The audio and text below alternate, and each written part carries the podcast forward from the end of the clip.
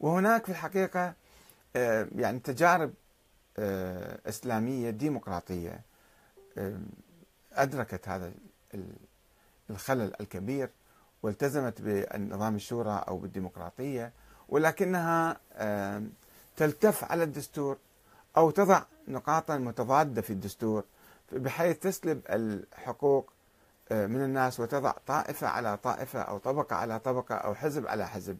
حزب واحد يحكم هذا هو الحزب الحاكم. أو هذه الطائفة يجب أن تحكم من دون آه، آه، الطوائف الأخرى.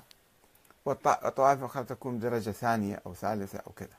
هذا أيضا حتى لو كان نظام ديمقراطي أو شبه ديمقراطي وفي انتخابات وفي انتخابات برلمانية ورئاسية وكل شيء ولكن يبقى آه، النظام فيه ثغرات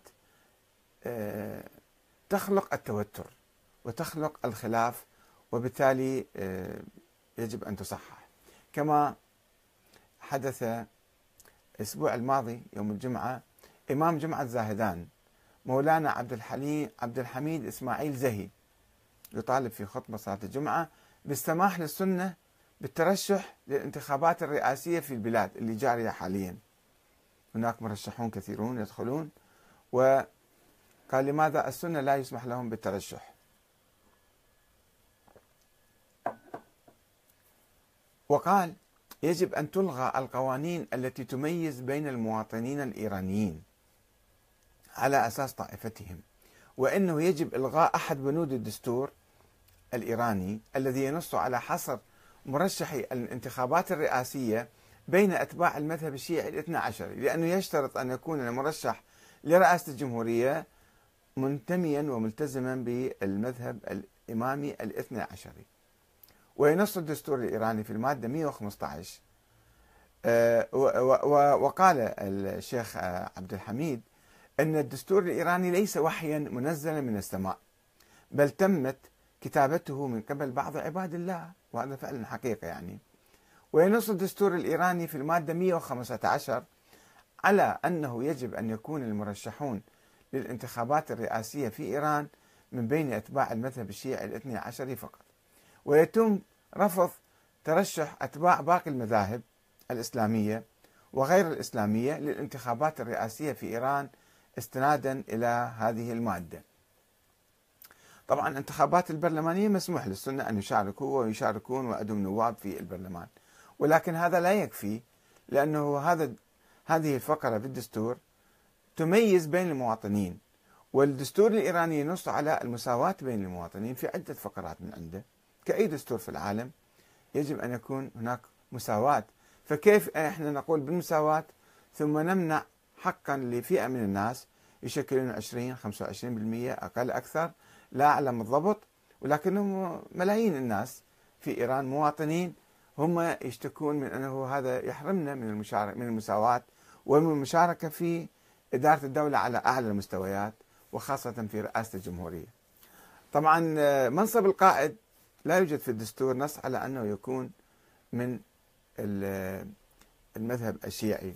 ولا يقولون لا هو يشترط أيضا أن يكون مرجع تقليد. هذا الشرط أيضا حذفوه في التعديل الدستوري ويكفي أن يكون مديرا ورئيسا ومدبرا وعارفا بالسياسة حتى يتبوأ هذا المقعد. فإذا كان يعني آه، آه، لا يشترط في الرئيس الأعلى أن يكون ما في نص دستوري يعني ولو الواقع العملي هو آه، يفرض هذا الشيء. فلماذا في منصب رئاسة الجمهورية يتم فرض هذا الشيء؟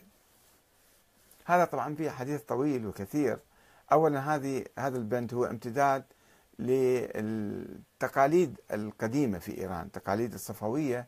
أن يكون الملك أو الشاه يعني آه، ينتمي المذهب الشيعي من عهد الصفوي.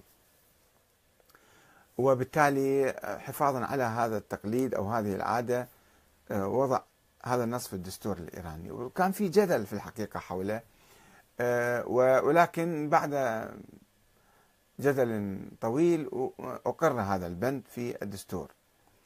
آه، وجاء وفد من أهل السنة إلى رئيس المجلس التأسيسي اللي كان يقر الدستور الشيخ المنتظري ذيك الأيام الشيخ حسين علي المنتظري واحتج على هذا البند.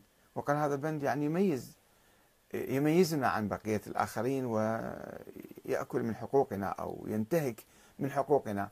فقال لهم الشيخ إن شاء الله هذا تم بضغط من بعض الفئات في المجتمع الإيراني وإن شاء الله في التعديل الدستوري القادم سنحاول أن نرفع هذا الشرط. يعني أقر أنه شرط غير صحيح. ولكن الشيخ المنتظري راح والتعديل جرى ولم يتم حذف هذه المادة. وهذه المادة في الحقيقة في نظري مادة يعني في غير محلها. لماذا؟ يعني مادة عبثية في الدستور الإيراني. آه، وذلك لأنه أولا من الناحية العملية الشعب الإيراني بأغلبيته الساحقة 75% على الأقل هم مثلا شيعة اثنا عشرية كما يقولون. وبالتالي إذا إحنا حذفنا هذه المادة ما راح يجي واحد من الطائفة السنية مثلا ويصير رئيس للجمهورية لأن الأكثرية سوف تنتخب فلان ولا تنتخب فلان. ولكن أن يوضع هذا في الدستور هذا خطأ. عندنا في أنظمة كثيرة ملكية وجمهورية. اللي عندها دساتير واللي ما عندها دساتير. لا تضع هذا الشيء في دساتيرها. أو لا تفصح عن ذلك. هي تحتكر السلطة الملكية في يد شخص أو عائلة آه، أو طائفة معينة ولا تسمح للطائفة الأخرى حتى أن يكون واحد منهم شرطي فضلا عن أن يكون نائب أو يكون وزير أو يكون مثلا آه، رئيس في البلد. وتحارب أو تمنع حتى على مستوى الفكر وعلى مستوى الأعمال الاجتماعية تحارب التشيع مثلا. ولكن لا تضع في الدستور أنه الرئيس يجب أن يكون أو الملك مثلا يجب أن يكون منتمي لهذه الطائفة أو تلك. وضع هذا في الدستور كان في خطأ كبير في إيران بالحقيقة. وولد مشكلة لإيران ما كانت بحاجة إلها. ما بحاجة لإثارة النقطة. لو ما واضعها ما كان يتغير شيء. ما راح يهدد آه، كيان الجمهورية الإسلامية ولا الثورة الإسلامية. كما علق بعض الأخوان قالوا أنه خوفا من آه، تعرض الثورة لا ما كان الثورة ممسوكة بيد قيادات وبيد فئات وطبقات معينة وأحزاب معينة في المجتمع الإيراني. فكان هذا الشيء عبثي